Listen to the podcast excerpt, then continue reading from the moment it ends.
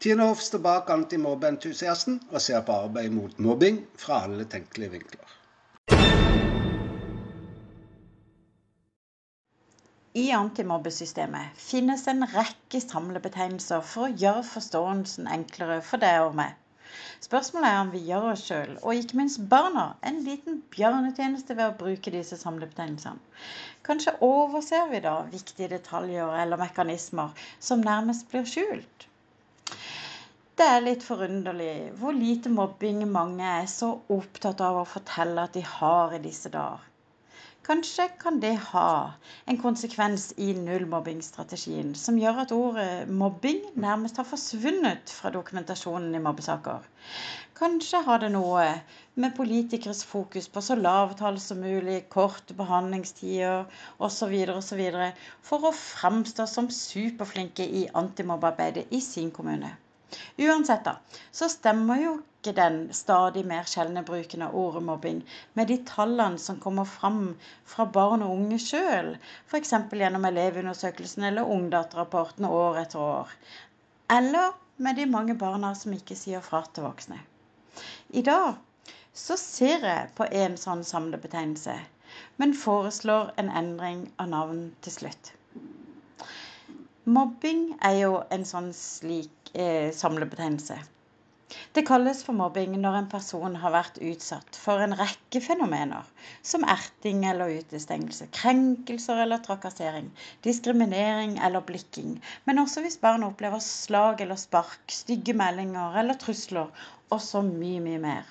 Det vil si, vi kaller det for mobbing om et barn eller ungdom har opplevd noe av dette jevnt og trutt av en eller flere personer over tid, og der barnet sjøl ikke makter å forsvare seg.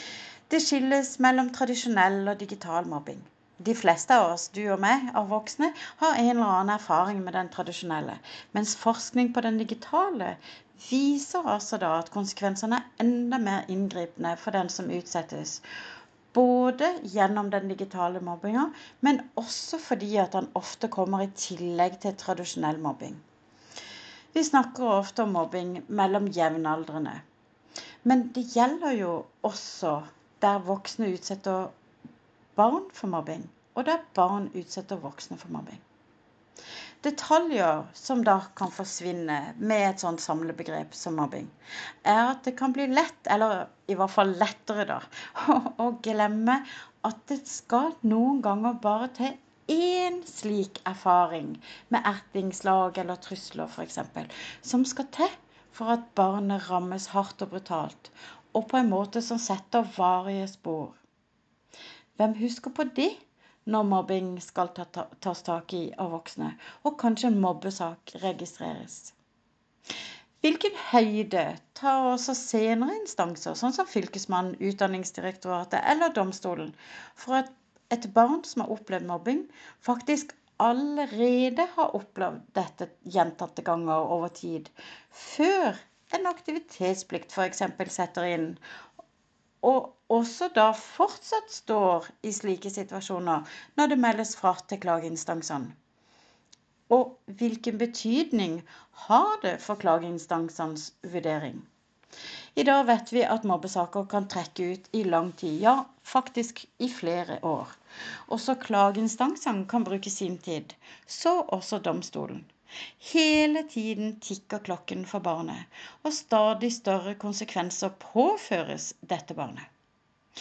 Kan det tenkes, hvis vi ser på det litt annerledes, at mobbebegrepet egentlig har gått ut på dato?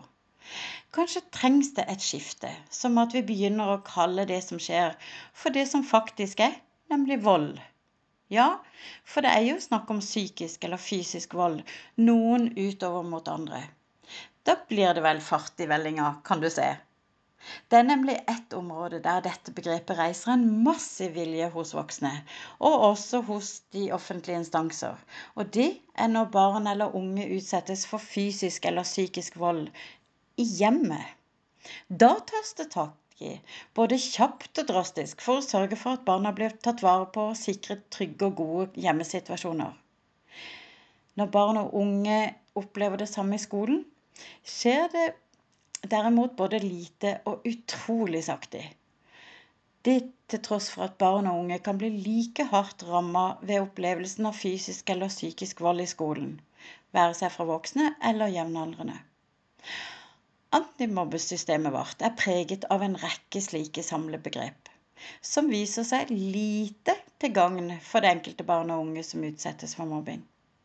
Kanskje trenger barna og de unge som utsettes for mobbing, at vi bruker ordet vold om det de opplever, fysisk eller psykisk, for å få fart i og sørge for tilstrekkelig grad av nødvendighet for ivaretagelse og rettssikkerhet for disse barna og unge. Det fortjener de. Når det er sagt, er jeg imidlertid slettes ikke sikker på at en voldsdefinisjon vil gagne den eller de som utøver mobbing, men det får vi altså komme tilbake til en annen dag.